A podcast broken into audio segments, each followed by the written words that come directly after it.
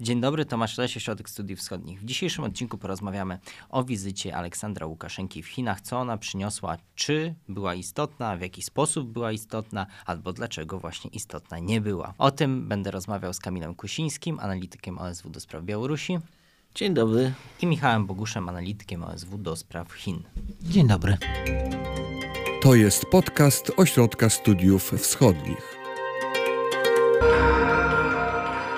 Łukaszenka był przyjmowany, był przyjęty w Chinach niemal jak gwiazda roka, a na pewno przynajmniej jak, gwia jak gwiazda światowej polityki, jak przywódca niezwykle istotnego państwa. Więc może zapytam najpierw, po co Chinom Łukaszenka, dlaczego był przyjęty z takimi niewątpliwymi honorami. Oczywiście honorami, które były w sposób, były bardzo pokazywane przez, przez, przez propagandę białoruską, ale jednak rzeczywiście Łukaszenka był dobrze przyjęty w Chinach i ta wizyta też trwała trochę. Dlaczego? Po co Chinom jest Łukaszenka? Nie da się ukryć, że to wizyta z wielką pompą z punktu widzenia Pekinu, salwa honorowa z działu na placu Tiananmen, e, Xi Jinping witający go osobiście. To się często nie zdarza. To się często nie zdarza zdarza, więc tutaj chińscy towarzysze bardzo się postarali, żeby e, przyjąć Łukaszenkę, ale wydaje się, że Wynikało to po pierwsze z tego faktu, że przez parę lat go trzymali na suchym lodzie, e, nie, nie, nie, nawiązywali z nim kontaktów, ignorowali jego próby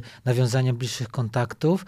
W efekcie po tym wszystkim musieli przyjąć go z wielką pompą, żeby go się trochę z nim przeprosić w ten sposób, ale przede wszystkim chcieli wysłać w ten sposób, moim zdaniem, sygnał do, e, do Moskwy, że te wszystkie pomysły Putina na odbudowę, czy to w formie, czy w może nawet w nazwie Związku Radzieckiego e, rozszerzania rosyjskiego imperium w najbliższym czasie nie są najlepsze, skoro nie, nie, najlepiej sobie radzi na Ukrainie. I to się raczej wpisuje także w politykę chińską wobec Azji Centralnej. Tam też wzmocniono czy to Tokajewa, czy innych satrapów w tym regionie, właśnie po to, żeby dać tak po przyjacielsku rosyjskim kolegom do, do zrozumienia, że może wy się skoncentrujcie na tym, co macie na talerzu, nie próbujcie sobie czegoś dodatkowego dokładać. I że jak rozumiem, Chińczycy nie potrzebują pośrednictwa Moskwy, żeby się porozumieć z partnerami, na przykład białoruskimi. Tak, tutaj też jest pokazanie, że to oni e, może nie będą rozdającymi, ale ich znaczenie w regionie postsowieckim wzrośnie, chociaż trzeba pamiętać, że nie mają środków, żeby e, tak naprawdę wesprzeć Łukaszenkę, czy to militarnie w kwestiach bezpieczeństwa, zabezpieczenia jego rządów e, na Białorusi, czy gospodarczo. E, on jest wciąż zależny w tych sprawach od Moskwy i będzie zależny. To jest raczej wsparcie polityczne niż jakiekolwiek inne. A po co Łukaszence Chiny? To jest dużo prostsze, bo rzeczywiście więcej domysłów i zagadek było skąd te salwy. Gdy spojrzymy na mapę, zobaczymy jak duże są Chiny, jak małe jest Białoruś, to po co takie, takie honory? Jeśli chodzi o Łukaszenkę, sprawa jest prosta. On potrzebuje uznania, potrzebuje e, tych, tychże właśnie honorów, żeby pokazać siebie samemu sobie dla własnego komfortu, jak też swojemu otoczeniu, wciąż jako prezydenta, który jest przyjmowany, akceptowany, którego nie tylko ktoś chce widzieć, ale ktoś taki jak Xi Jinping, tak ważny gracz w skali światowej, tak wielkie państwo jak Chiny którego przyjmują. Y, Łukaszenka ma różnych egzotycznych partnerów. Niedawno był w Zimbabwe, był w Zjednoczonych Emiratach Arabskich, ale przy całym szacunku dla tych odległych krajów o dość ciekawej pogodzie, dużo sympatyczniejsze niż w Polsce, to jednak Chiny mają y, największe znaczenie. I myślę, że to sobie Łukaszenka zaliczył jako sukces. On liczy na zwiększenie eksportu do Chin. Rzeczywiście dwukrotnie ten eksport wzrósł w zeszłym roku. Wynosi obecnie, wyniósł w zeszłym roku 1,6 miliarda dolarów. Jest to dwukrotny wzrost. To nigdy nie zastąpi Rosji, ale daje jakiś zalążek pewnej równowagi, e, być może e, przyszłości, to troszeczkę odciąża ten, ten kierunek rosyjski i zmniejsza przynajmniej minimalnie zależność, nie w sposób znaczący niestety dla Białorusi, ale chociaż trochę zmniejsza. Łukaszenka też wciąż marzy, aby być pośrednikiem pokojowym, żeby rozlewać wiadrami kawę, tak jak było w 13-15 roku Angeli Merkel i innym gościom zagranicznym. E, do tej roli nie powróci, ale pomarzyć zawsze wolno. Stąd też poparł chiński plan pokojowy bardzo gorliwie. Chyba gorliwie się już nie Było mnóstwo zachwytów z jego strony. Mhm. E, właśnie, a może Chiny widzą jakąś też rolę dla Łukaszenki w realizacji swojego planu pokojowego, który nie jest planem pokojowym. Sami Chińczycy go tak nazywają, nie nazywają. Myślę, że bardziej tutaj chodzi o uwiarygodnienie nie tyle planu pokojowego, co chińskiej koncepcji inicjatywy globalnego bezpieczeństwa, które próbują sprzedać e, globalnemu południu, państwom rozwijającym się. No i teraz Łukaszenka, który mówi, że to jest wiarygodny element planu e, pokojowego, przyszłego może planu pokojowego dla Ukrainy, jakby uwiarygadnia e, cało, całe to przedsięwzięcie wobec państw rozwijających się, bo tu jest główna, główny cel ataku propagandowego Pekinu. I z tego punktu widzenia może być taką osobą też uwiarygadniającą to w tym sensie, że jakby nie było Białoruś jest stroną atakującą. E, z jej terytorium Rosjanie prowadzą atak na Ukrainę e, i jakby z, ten, z tego punktu widzenia uwiarygadnia to w sytuacji, w której no, te głosy z Moskwy nie są aż tak jednoznaczne. A czy widzicie tutaj jakąś przestrzeń także do takich już konkretów z tej wizyty? E, to znaczy jakichś umów gospodarczych, zwiększenia współpracy gospodarczej. E, mówiliśmy nawet nie tak dawno temu, jeszcze przed wojną, co prawda, e, przed tą nową fazą wojny na Ukrainie, mówiliśmy sporo o próbach inwestycji, różnej współpracy gospodarczej pomiędzy Chinami a Białorusią. Nawet był raport na ten temat. Ale czy, czy to wróci? Czy są jakieś sygnały, że Chiny chcą się mocniej zaangażować w Białoruś także pod tym względem gospodarczym? Czy jakieś konkrety z tej wizyty wypłynęły? No cóż, e, rzeczywiście to jest ważny wątek, warto wspomnieć, e, bo to się jeszcze nie pojawiło w naszej rozmowie, że stosunki chińsko-białoruskie w takim szerszym wymiarze, e, one się nie pojawiły od tej wizyty, nie pojawiły się od wczoraj. To jest tendencja, szczególnie po stronie białoruskiej od lat, aby Chiny angażować na Białorusi.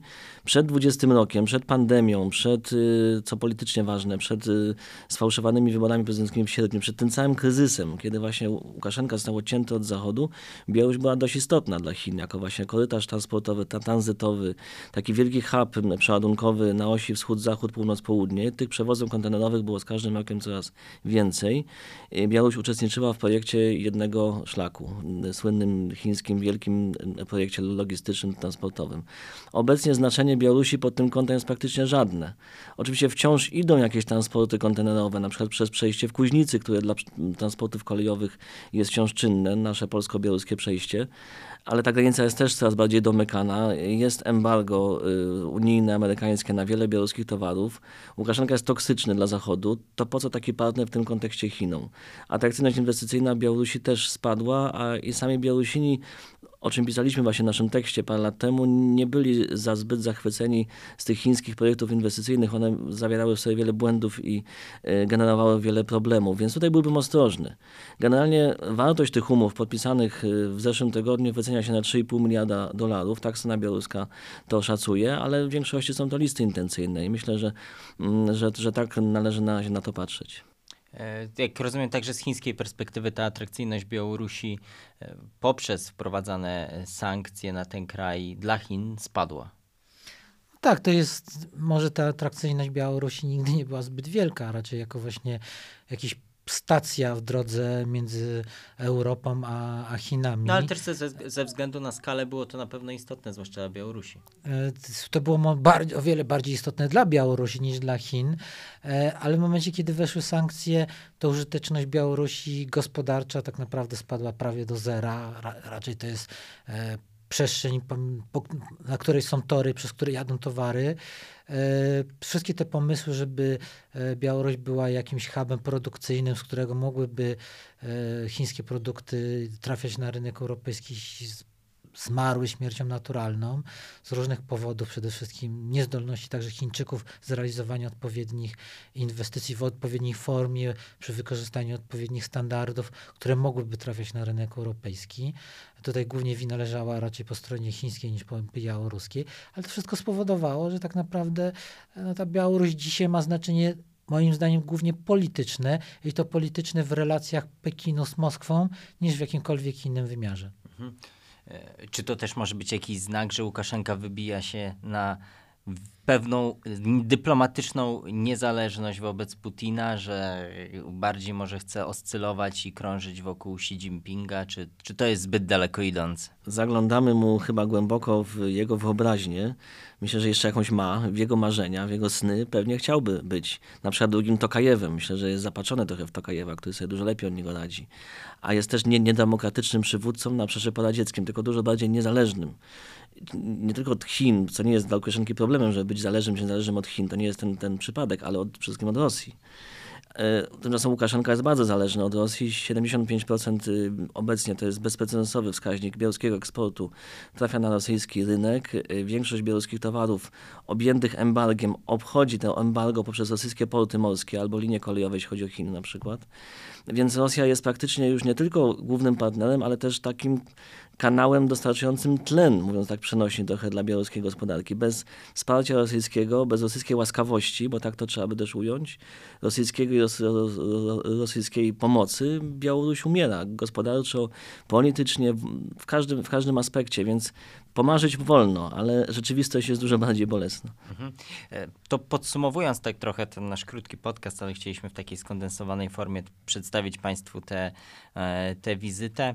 Czy można to tak podsumować, że wizyta ciekawa, kilka ciekawych rzeczy tutaj, y, tutaj rzeczywiście się wydarzyło, ale pogłoski o wielkim sojuszu białorusko-chińskim, jak tu niektórzy już próbowali wysnuwać, są dalece przesadzone. Czy tak to można podsumować?